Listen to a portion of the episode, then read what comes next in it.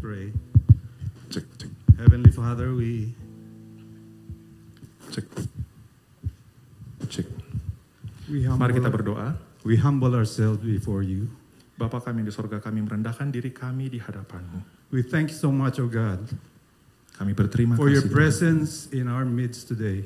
untuk kehadiranmu di tengah-tengah kami pada hari ini. Thank you that you are sovereign, Terima kasih that you untuk, are in complete control over all that is happening around us. untuk kuasamu yang Lord, memerintah kami. Tuhan, As we listen to your word, kami saat kami mendengar firman-Mu, to have hearts who are kami hati. obedient to your will. Guide us now. Fill us with your Holy Spirit.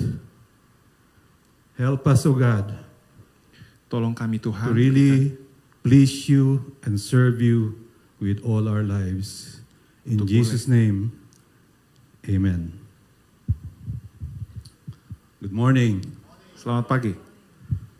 This is my first time here in Indonesia, Ini pertama kali saya datang ke Indonesia and I feel at home already dan saya sudah merasa seperti di rumah sendiri. because Indonesians always talk about traffic. Karena orang-orang Just Indonesia- like in Manila, we always talk about traffic. lalu lintasnya sama, pancetnya. But seriously, I feel at home because of the hospitality of our hosts. Tapi sungguh saya merasakan seperti di rumah karena keramah tamahan dan sambutan dari eh, Bapak Ibu sekalian. I came here with my wife. Saya datang dengan istri saya. can you please stand? Ibu Jin. Ibu Jio. Ibu Jin.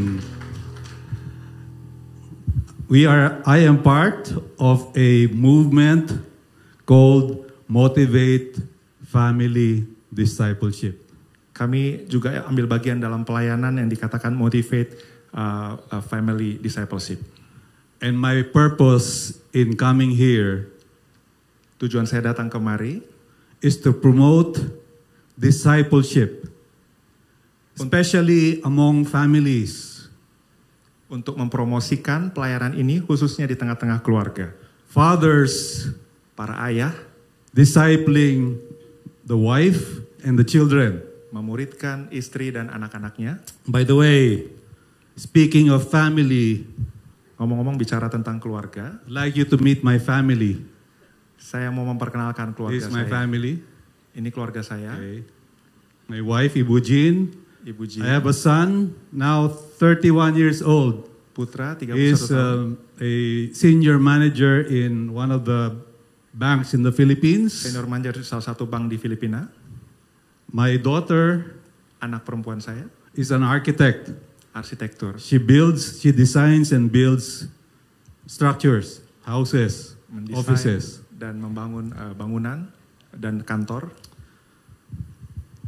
As I begin, I would like to ask every one of you how many of you here are between the ages of 18 to 45? Can you raise your hand? Yang berusia 18 sampai 45 tahun please. boleh angkat Don't be shy. Okay. Uh, ca- can you stand so I can see? Boleh Can berdiri you stand? Bapak Ibu, 18 to supaya saya 45 years old. melihat. 18 sampai 45 tahun.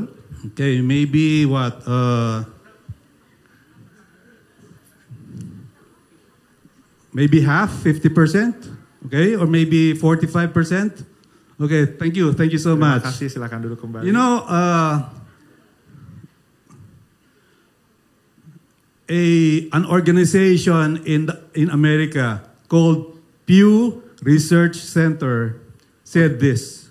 Organisasi di Amerika menyampaikan hal ini, satu riset, Can you translate? Pew Research eh, menyimpulkan bahwa um, mean age of members can provide a clue as they Oke, eh, secara garis besar mengatakan bahwa em, generasi generasi em, provide a clue as to how things might unfold in the coming decades. Intinya untuk menye- menye- eh, menyampaikan riset ini bahwa apa yang akan terjadi dalam eh, beberapa tahun ke depan terhadap satu gereja, em, satu grup seperti eh, grup-grup ke- keagamaan yang mempunyai anggota yang lebih mudah Why, why bisa tumbuh dengan lebih baik ke depan, something like that. young people, they will still have children. Anak eh, generasi muda masih akan punya anak, Older people will no longer have children. generasi tua sudah nggak bisa punya anak lagi. So their children, they will add to the church. Anak-anaknya yang akan mengisi gereja-gereja yang ada. If a church is full of old people, Kalau satu gereja penuh dengan orang tua, future is not very good. gereja kita tidak bisa dianggap baik. You know, in United Kingdom, Di Inggris,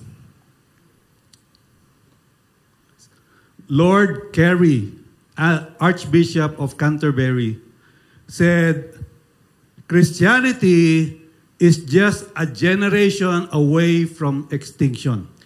eh, pemimpin gereja di Inggris mengatakan bahwa kekristenan sudah diambang kepunahan, tinggal satu generasi lagi. Why? Because in UK, they are losing the young people.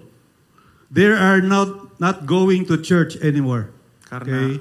orang-orang muda di Inggris sudah nggak datang lagi ke gereja In Korea, di Okay. Korea. in uh, between 1970 to year 2000, Christianity is growing. Dari tahun 1970 sampai tahun 2000-an, gereja bertumbuh dengan sangat cepat. But after year 2000, Christianity is not growing anymore. Tapi It is dwindling. Why? Because the younger generation is leaving the church. Tapi the setelah tahun younger 2000-an, generation is leaving the church in startling fashion. So many young people going out of the church. setelah tahun 2000-an justru banyak orang muda yang tidak mau lagi ke gereja, meninggalkan gereja. Dan gereja berhenti bertumbuh di Korea. In the US, Di Amerika Okay. Serikat, It says here, American religious identity, three decades of decline. Three decades, so meaning 30. since 1990, slowly it is fast declining. di Amerika Serikat 30 tahun, sejak tahun 1990, secara konsisten terus menunjukkan penurunan. Why? Because the parents, oh sorry, the parents of millennials did less. They are not uh, motivating or encouraging their children in the church, Karena orang tua in dari God's word. anak-anak milenial dan generasi Z tidak mengencourage, tidak mengajak anak-anaknya untuk datang ke gereja dan beribadah. They are not encouraging. They are not modeling. Tidak mengajak, tidak memberikan teladan.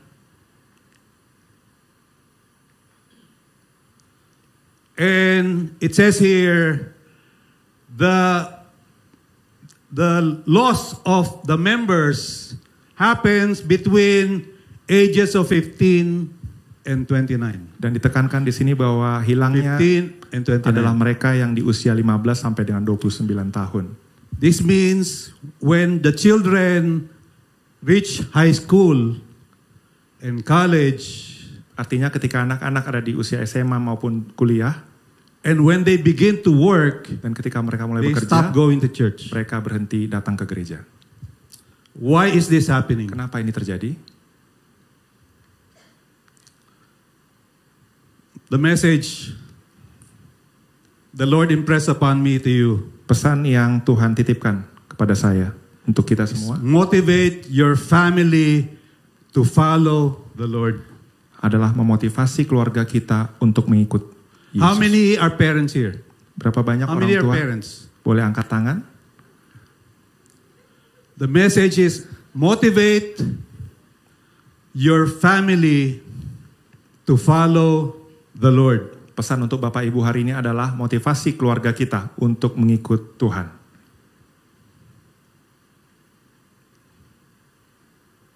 This is the passage for today.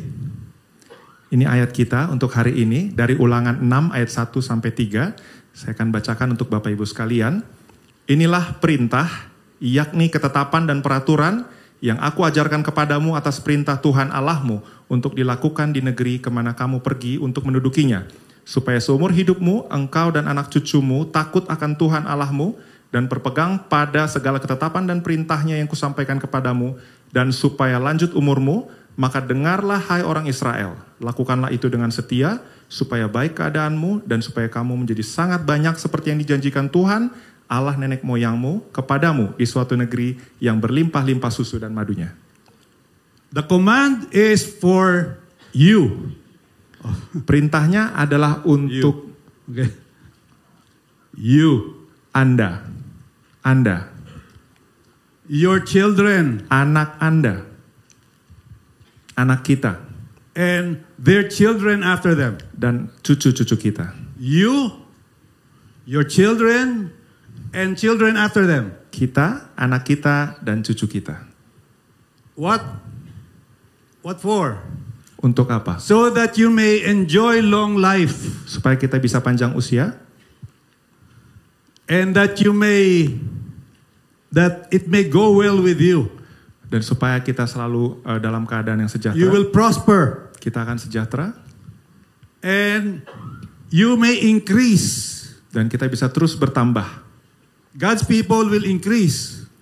Orang Tuhan, anak-anak Tuhan, umat Tuhan akan terus bertambah dan bertumbuh. So, what is the command? Jadi apa What is the command? Apa For perintahnya? you, your children, and for your children's children. What Untuk- is the command? Untuk kita, untuk anak kita, dan untuk cucu-cucu kita, apa perintahnya? First, Yang pertama, dengarlah hai orang yeah, uh, can you? Sorry, sorry. No, no, sorry. Yeah, chapter 4, yeah, yeah. Verse 4 to, verse 4 to 9. to 9. Dengarlah ayat 4 sampai 9, dengarlah hai orang Israel, Tuhan itu Allah kita, Tuhan itu Esa. Kasihilah Tuhan Allahmu dengan segenap hatimu dan dengan segenap jiwamu dan dengan segenap kekuatanmu. Apa yang kuperintahkan kepadamu pada hari ini haruslah engkau perhatikan. Haruslah engkau mengajarkan berulang-ulang kepada anak-anakmu dan membicarakannya apabila engkau duduk di rumahmu, apabila engkau sedang dalam perjalanan, apabila engkau berbaring dan apabila engkau bangun. Haruslah juga engkau mengikatkannya sebagai tanda pada tanganmu dan haruslah itu menjadi lambang di dahimu dan haruslah engkau menuliskannya pada tiang pintu rumahmu dan pada pintu gerbangmu. So, so what is? So the question now is, how do you motivate your family to follow the Lord? Pertanyaannya sekarang bagaimana How? kita memotivasi keluarga kita untuk mengikut Tuhan? Number one, Nomor satu, you need authentic modeling. kita harus menunjukkan teladan yang benar, Memamerkan, memamerkan, ya, memamerkan. Okay, model, modeling, authentic, real. teladan yang sejujurnya, yang real. It says, love the Lord your God. Cintalah Tuhan Allahmu. You need to model authentic Christianity. Kita harus menunjukkan teladan yang sejati tentang kekristenan dalam hidup kita. not religion. Bukan hanya agama. The command here is not religion. The command is love the Lord. Perintahnya di sini bukan tentang agama, tapi ikuti Tuhanmu. Religion is do. Doing, Agama itu do. adalah masalah tentang melakukan. The command Berhenti is melakukan. love the Lord. Tapi di sini perintahnya adalah kasihilah Tuhan Allahmu. Why? Kenapa? Because it is done, finished. Karena itu God saved us. sudah selesai dilakukan, Tuhan sudah menyelamatkan kita. So in response, we love Him. Dan sebagai responnya kita mencintai We Tuhan. love Him. Kita membalas kasih Tuhan. So how do we love God? Lalu bagaimana cara kita mengasihi Tuhan? Pastor Peter says, we must be what we want our children to be because they will eventually become who we are. Pastor Peter berkata, kita harus menjadi seperti apa yang anak-anak kita mau. Karena kita mereka akan menjadi siapa kita hari ini. He says, How do you love the Lord? Baga- bagaimana kita mencintai Tuhan kita? Pastor Peter, my senior pastor, says, Pastor Peter, Don't senior saya, focus on how you love the Lord. Jangan fokus pada bagaimana kita mencintai Tuhan, You focus on how lo- God loves you, how the Lord loves you. tapi fokuslah tentang bagaimana Tuhan mencintai kita. When you realize God loves you so much, Ketika kita menyadari bahwa Tuhan begitu mencintai kita, you will love Him. kita juga akan mencintai You will love dia. him. Kita akan mencintai dia. Focus on God's love for you. Fokuslah pada kasih Tuhan dalam How hidup He kita. gave His Son. Bagaimana dia for you. memberikan anaknya untuk kita.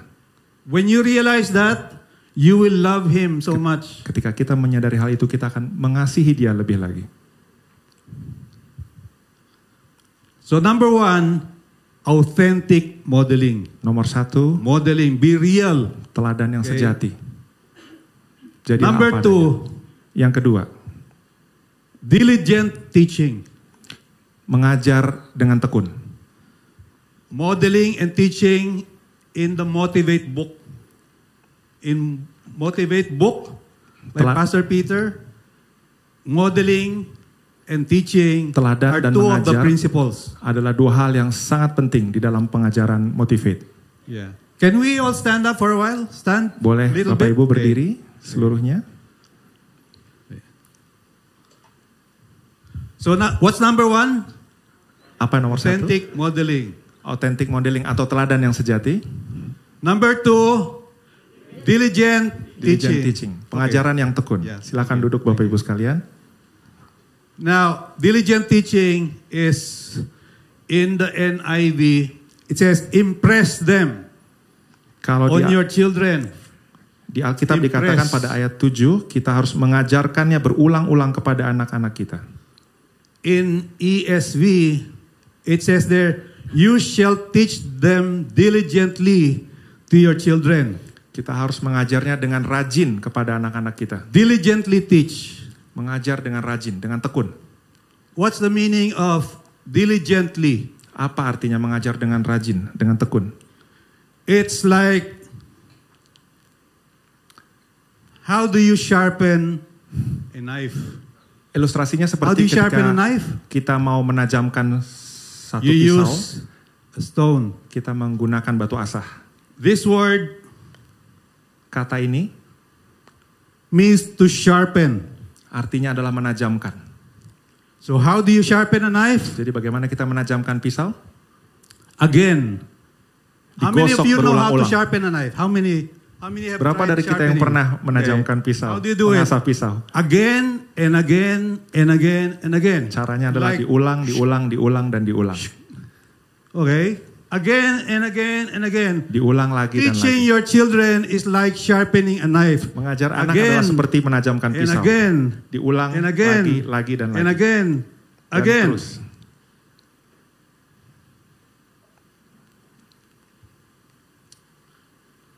Impress them. Talk about them. How do you uh, sharpen or how do you teach uh, diligently teach? Bagaimana cara kita mengajar dengan rajin kepada anak-anak kita tentang Tuhan? Number one, Cara yang per- nomor satu, talk about them. bicarakan Oke. tentang Talk hal tersebut about them. kepada mereka. Ajak Talk. mereka diskusi dan berbicara.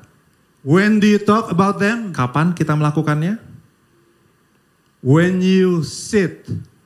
Okay? Ketika kita lagi di rumah, duduk. When you sit. Ketika kita lagi duduk, You sit duduk, stationary. diam, stationary. And when you walk. Dan ketika kita berjalan, During that time, pada masa itu, they all walk. mereka juga ikut No jalan sama kita. horses, very few donkeys.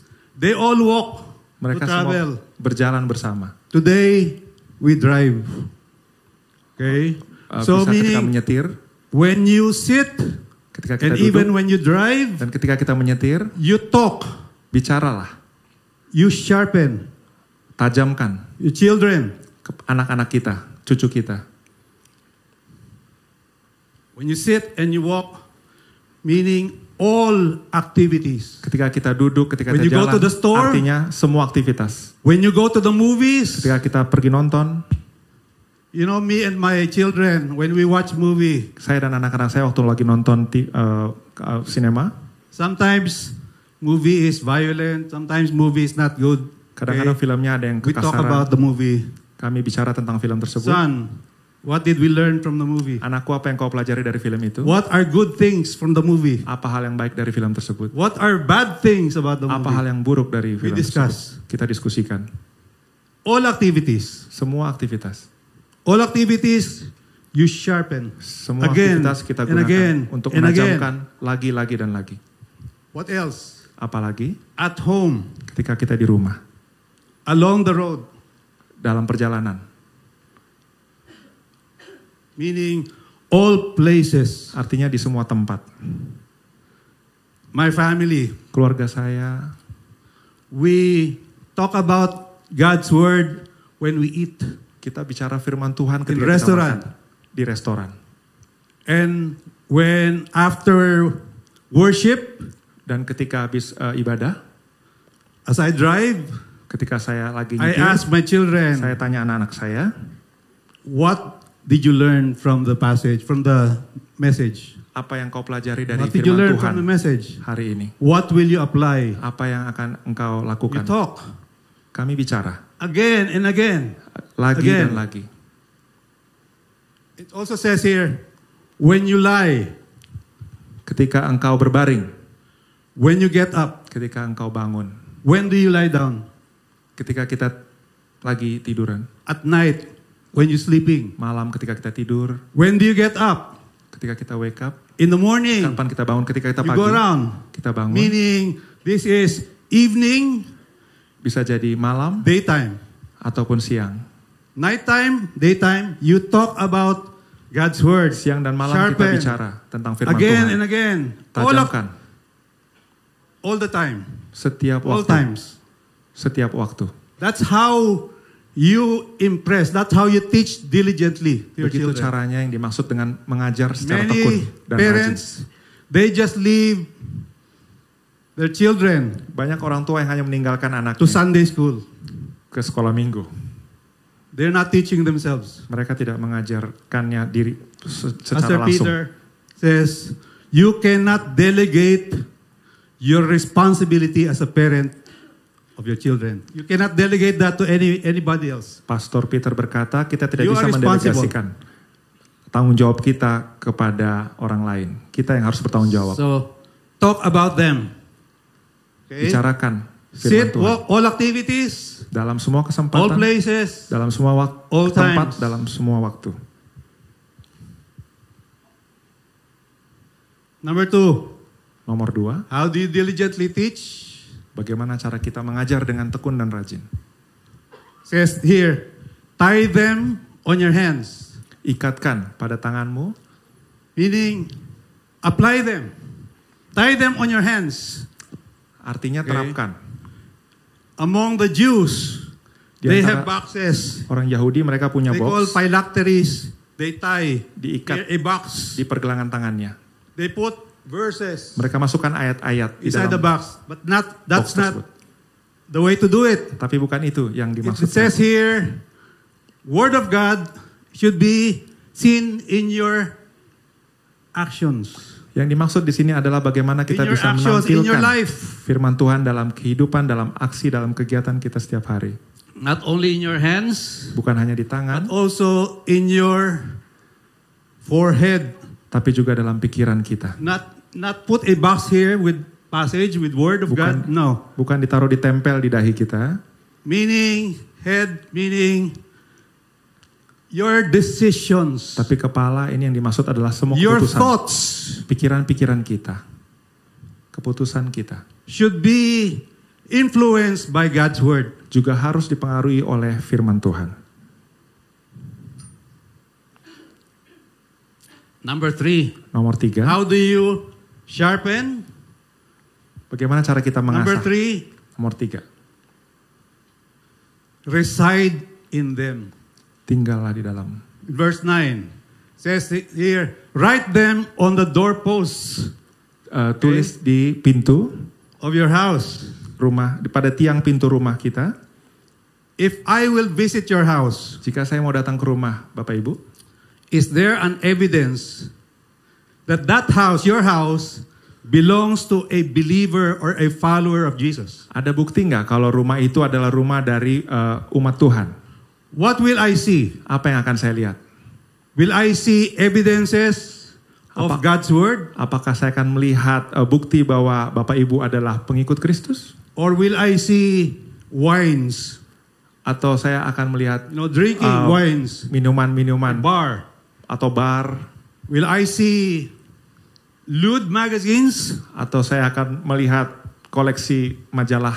What Dewasa. evidence will I see that your house Apa yang akan saya lihat di rumah Bapak Ibu kalau saya datang? belongs to a follower of Jesus? Apakah itu menunjukkan kita adalah pengikut Kristus? says here, in your house, Disampaikan di sini di rumah your kita. children should see in your house Anak-anak that you are a believer, a Christian. harus melihat bahwa kita adalah orang Kristen di rumah kita, In our house, di rumah kita. this is the front door. Ini pintu depan. The Lord is our provider. The Lord Tuhan adalah eh, Tuhan yang selalu menyediakan, Tuhan yang mencukupkan hidupku.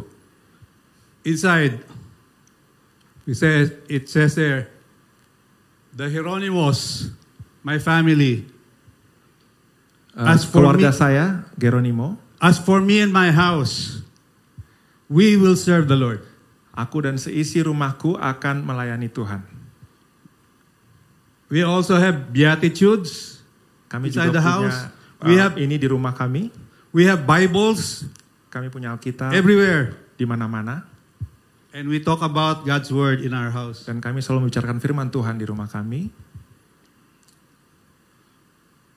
So in your house, Jadi di rumah kita Bapak Ibu Saudara-saudara sekalian, your children need to see that your house is a house of followers of Jesus. anak-anak kita perlu melihat rumah kita adalah rumah pengikut Kristus. So doorposts, Jadi Your eh, tiang house. rumah, but also your gates. tapi juga pintu gerbang. Gates are town centers. Pintu gerbang adalah tempat eh, yang penting di Town depan, centers, tempat berkumpul, meaning your community.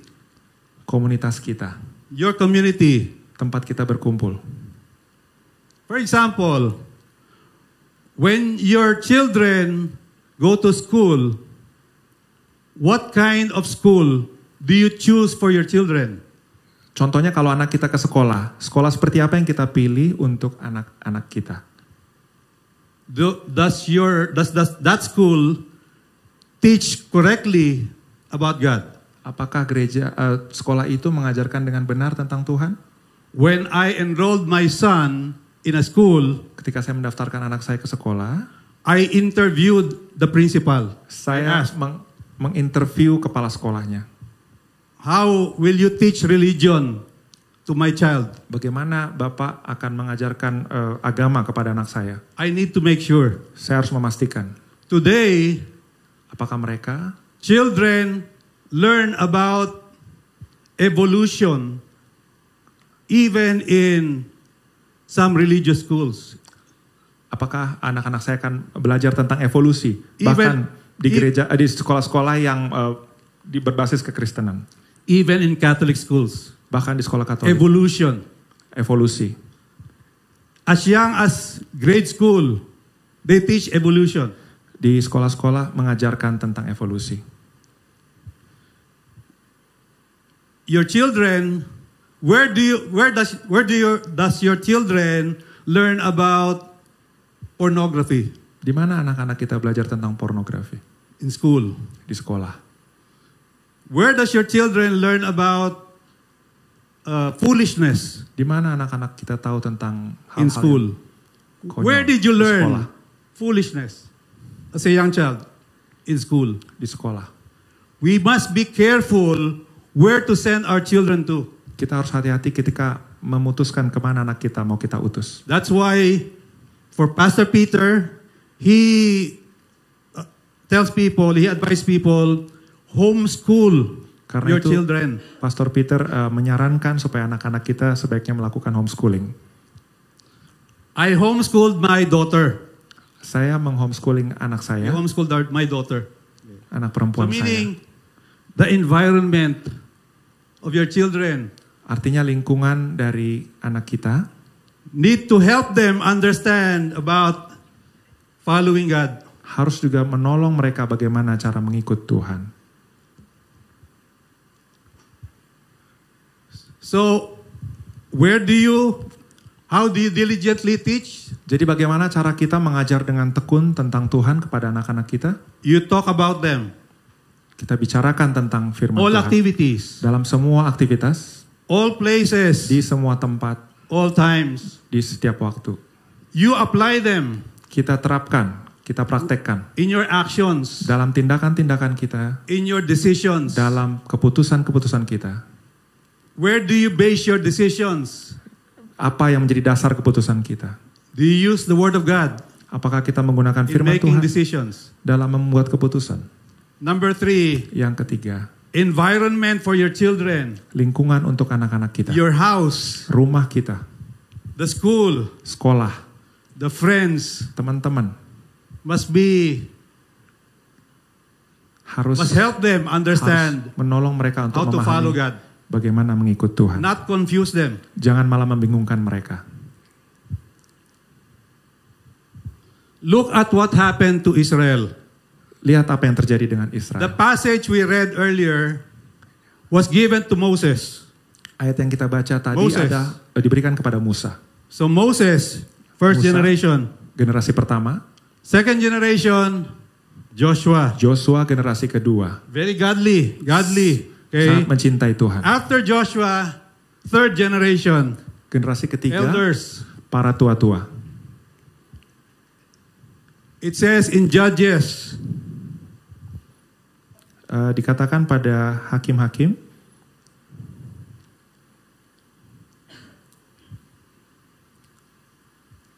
chapter 2, Hakim-hakim verses dua. 7 to 10. ayat 7 sampai dengan 10, eh, 7 dan 10. Ayat 7, dan bangsa itu beribadah kepada Tuhan sepanjang zaman Yosua dan sepanjang zaman para tua-tua yang hidup lebih lama daripada Yosua dan yang telah melihat segenap perbuatan yang besar yang dilakukan Tuhan bagi orang Israel. Ayat 10, setelah seluruh angkatan itu dikumpulkan kepada nenek moyangnya, bangkitlah sesudah mereka itu angkatan yang lain yang tidak mengenal Tuhan ataupun perbuatan yang dilakukannya bagi orang Israel.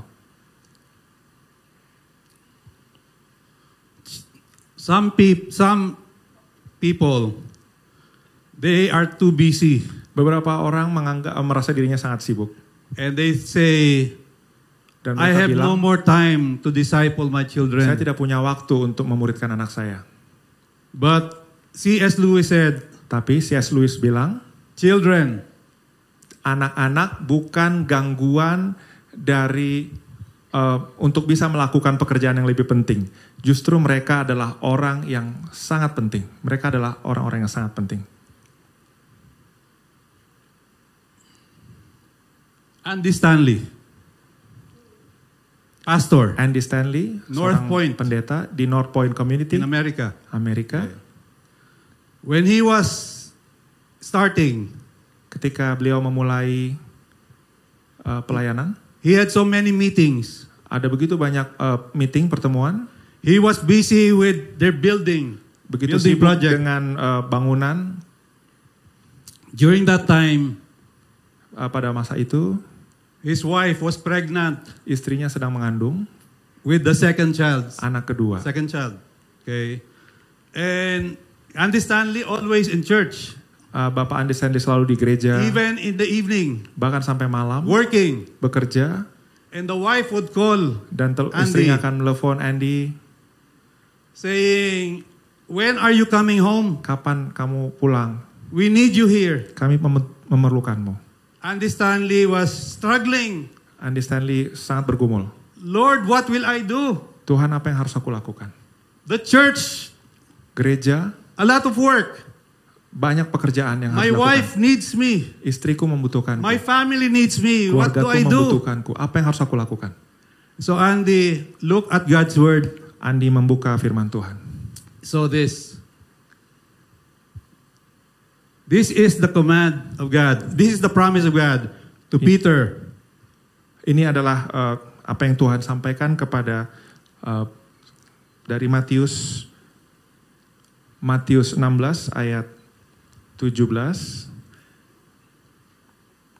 Kata Yesus kepadanya, "Berbahagialah engkau Simon bin Yunus, sebab bukan manusia yang menyatakan itu kepadamu, melainkan Bapakku yang di sorga." Dan dikatakan eh, pada ayat 18, Dan aku pun berkata kepadamu, engkau adalah Petrus, dan di atas batu karang ini aku akan mendirikan jemaatku, dan alam maut tidak akan menguasainya.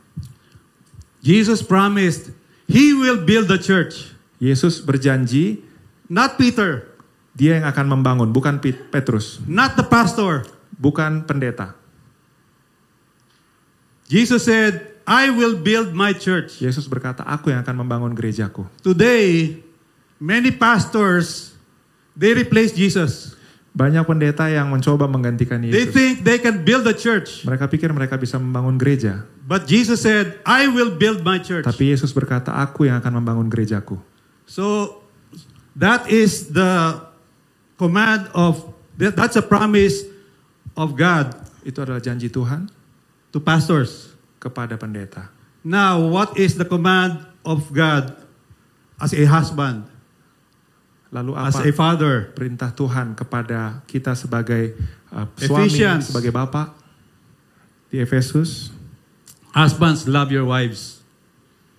Efesus 5 ayat 25 berkata, Hai suami, kasihilah istrimu sebagaimana Kristus telah mengasihi jemaat dan telah menyerahkan dirinya baginya. Love your wives. Cintailah istrimu. Command of God Perintah to Tuhan husbands. kepada suami. Ephesians chapter 6 verse 4. Efesus Fathers, 6 ayat 4. do not exasperate your children, Bapak-bapak janganlah bangkitkan amarah di dalam hati anak-anakmu. but fathers exasperate their children by Tapi, being absent, by not fulfilling their role as fathers. tapi bapak-bapak malah bikin um, anak-anaknya kecewa karena tidak hadir dan tidak menjalankan peran mereka sebagai seorang bapak. Many fathers are very passive Banyak bapak-bapak yang sangat pasif in raising up their children. dalam membesarkan anak-anak mereka. It says there, bring them up. Dikatakan di sana That word bring them up is in the present tense, kata bring them up itu adalah dalam, dalam keadaan sekarang yang harus terus dilakukan. meaning again and again and again. Dilakukan. Not just once. Dilaku- Again, like in sharpening, again, bring them up. berulang-ulang, eh, lagi, Teach lagi them. dan lagi. Ajarkan kepada mereka, ajari mereka in the training and instruction dalam latihan, dalam instruk, dalam instruksi eh, ajaran-ajaran dan nasihat Tuhan. The word of God again and again. Bring them up. Jelaskan lagi kepada mereka lagi dan lagi tentang ajaran dan nasihat Tuhan. Didiklah mereka di dalam ajaran dan nasihat akan Tuhan. So Andy Stanley followed the word of God. Andy Stanley mengikuti firman ini. Today, North Point is a big church. Sekarang Because- North Point Church besar sekali. Jesus is building the church. Karena Tuhan yang membangun gereja tersebut. Several years ago, Beberapa or tahun when I was not yet pastor, ketika saya belum jadi pendeta, there was a pastor I admired ada satu pendeta yang sangat saya kagumi. Very popular. sangat populer. His ministry was family ministry. Pelayanannya Family ministry. fokus kepada pelayanan keluarga. He was always invited to different churches. Beliau selalu diundang ke berbagai gereja yang berbeda, He was always invited in television shows diundang di uh, show-show televisi to ask about family. Uh, untuk bicara tentang keluarga. Very busy. Sangat sibuk. And then, two months, for two months, Lalu dua bulan he got sick. uh, dia sakit And uh, eventually, he Dan- died. akhirnya meninggal He died. dunia. So many sickness. Terlalu banyak penyakit. During his wake, Uh, dalam masa-masa tersebut his son anaknya Son. anaknya stood laki-laki up uh, berdiri to deliver a eulogy. uh, menyampaikan um, satu ucapan uh, terakhir dalam pemakaman uh, papanya. The son said, Anaknya berkata, anak laki-laki berkata, You know, you pastors, kalian tahu uh, para, para pendeta because there were many pastors karena ada banyak pendeta yang hadir dalam uh, pemakaman tersebut. Many pastor, you know, th- this pastor had many pastor friends. Uh, pendeta, uh, bapaknya punya banyak teman-teman pendeta And the son said, dan You anak know, laki-laki berkata, you pastors, I envy you. uh, para pendeta, saya sangat iri kepada bapak-bapak sekalian Because my father karena bapak saya spent a lot of time with you. lebih banyak menghabiskan waktu dengan bapak-bapak sekalian. You always, uh, your, my father always had time for you, Bapak saya selalu punya waktu untuk bapak-bapak sekalian. always encouraging you. Selalu memberi kekuatan. But that time Tapi pada that saat-saat he itu, spent for you ketika dia menolong bapak-bapak, should have been given to me. harusnya justru diberikan kepada saya. The advice Semua nasihat-nasihat and the encouragement dan semua penguatan-penguatan given to you yang diberikan kepada bapak-bapak should have been given to me. harusnya diberikan beliau kepada saya. But he said, during the last two months, Tapi anak Of laki-laki the itu father's berkata life, ketika dua he bulan was terakhir in the hospital. dia di rumah sakit, I was with him. saya ada bersama dengan bapak saya. During that time, I served him. Dalam dua masa itu, dua bulan itu saya melayaninya And it was only during that time, dan hanya dalam waktu itu, last two months of his life, dua bulan terakhir dalam hidupnya, I heard him say, saya mendengar dia berkata, Son, anakku, I love you. aku mencintaimu. Son, Anakku, you are doing well. kamu melakukan dengan sangat baik. Only during the last two months of his life, Hanya dalam dua bulan terakhir dalam hidupnya, because he was so busy karena dia sangat things. sibuk. There's a story about Reverend James Dobson. Cerita Sr. tersebut adalah cerita tentang pendeta James Dobson Senior, Very busy pastor. orang pendeta yang sangat sibuk. He was the most sought after evangelist. Dia adalah seorang evangelis yang sangat eh, terkenal di denominasinya. His invitation was he was booked for four years in advance. Dia harus di eh, harus kita minta schedule beliau harus empat tahun di depan. He was two weeks away from home. Dua minggu eh, jaraknya dari rumah Then he untuk will come back home for two weeks. dan jadi dia dua minggu pergi kemudian nanti dua minggu lagi baru bisa pulang. Always like that. Selalu seperti itu dalam hidupnya. One day, one day, Satu hari, he got a phone call from his wife satu hari dia dapat telepon dari istrinya because the wife had an argument with a 16-year-old son. karena istrinya lagi ada eh, lagi ribut cekcok dengan anaknya laki-lakinya 16 tahun. The wife asked the son to do something, Eh, istrinya eh, menyuruh anaknya untuk melakukan sesuatu and the son said no. dan anak laki-laki berkata enggak, tidak. And the wife reported this by calling Reverend James Dobson Sr. Istrinya menyampaikan hal tersebut kepada James Dobson Senior. She said, I need you here. Aku butuh engkau di sini. And the son was listening in another room, Anaknya lagi mendengarkan di ruangan yang sebelah. wanting to hear Mau how the father will answer. Apa jawaban papanya? And the, the fathers sold their house, Eh, bapaknya menjual rumah mereka, canceled all of his appointments meng- membatalkan semua janji yang dibuat for the next four years. untuk empat tahun ke depan. all of all, Semuanya, all preachings. semua jadwal dibatalkan. And he accepted a small church to pastor Dan beliau menerima jabatan pendeta di satu gereja in kecil another state. di negara bagian yang lain. And he spent the next years Dan dia menghabiskan waktu-waktu selanjutnya mentoring his son. Mengajar anaknya. The son is James Dobson Jr. Anaknya adalah pendeta Dr. James and he is now Dawson the Jr., founder of Focus on the Family Ministry. pendiri Focus Family Ministry, He had a doctorate degree in psychology. gelar doktor psikologi, He was the author of Dare to Discipline. menulis buku Dare to Discipline Love must be tough. and Love Must Be Tough. How are your children? Bagaimana dengan anak-anak kita? How are you spending time with your children? Bagaimana kita menghabiskan waktu dengan anak-anak kita? Are you modeling Apakah kita memberi teladan, authentic Christianity? teladan yang benar tentang kekristenan? Are you teaching them diligently? Apakah kita Again mengajar mereka again? dengan rajin lagi, lagi, dan lagi? Is your children important?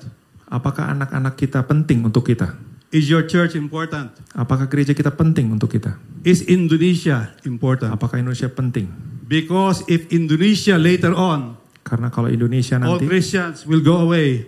Semuanya pergi, Because just like Lord Kerry, Christianity is just a generation away from extinction. seperti yang dikatakan tadi salah satu pemimpin, kita sudah kila- sudah tinggal satu generasi lagi menuju kepunahan. Fathers, Para ayah, parents, para orang tua, will you do your job? apakah kalian akan melakukan tanggung jawab kalian? Let's pray. Mari kita berdoa. Heavenly Father, Bapa kami yang di sorga, we confess kami mengakui our faults, kesalahan kami, our shortcomings semua yang kekurangan kami, in teaching our children, mengajar anak kami, in modeling to our children. dalam memberikan teladan kepada anak kami. Help us, O Lord, Tolong kami Tuhan to disciple them untuk memuridkan mereka. so that the next generation supaya generasi selanjutnya will continue to worship you akan terus memuji dan and the memuliakan Tuhan. future generations Dan generasi selanjutnya will continue Akan to terus- remain following you. mengikuti ajaran dan perintahmu Tuhan. In Jesus' name, Dalam nama Yesus amen. kami berdoa. Amin.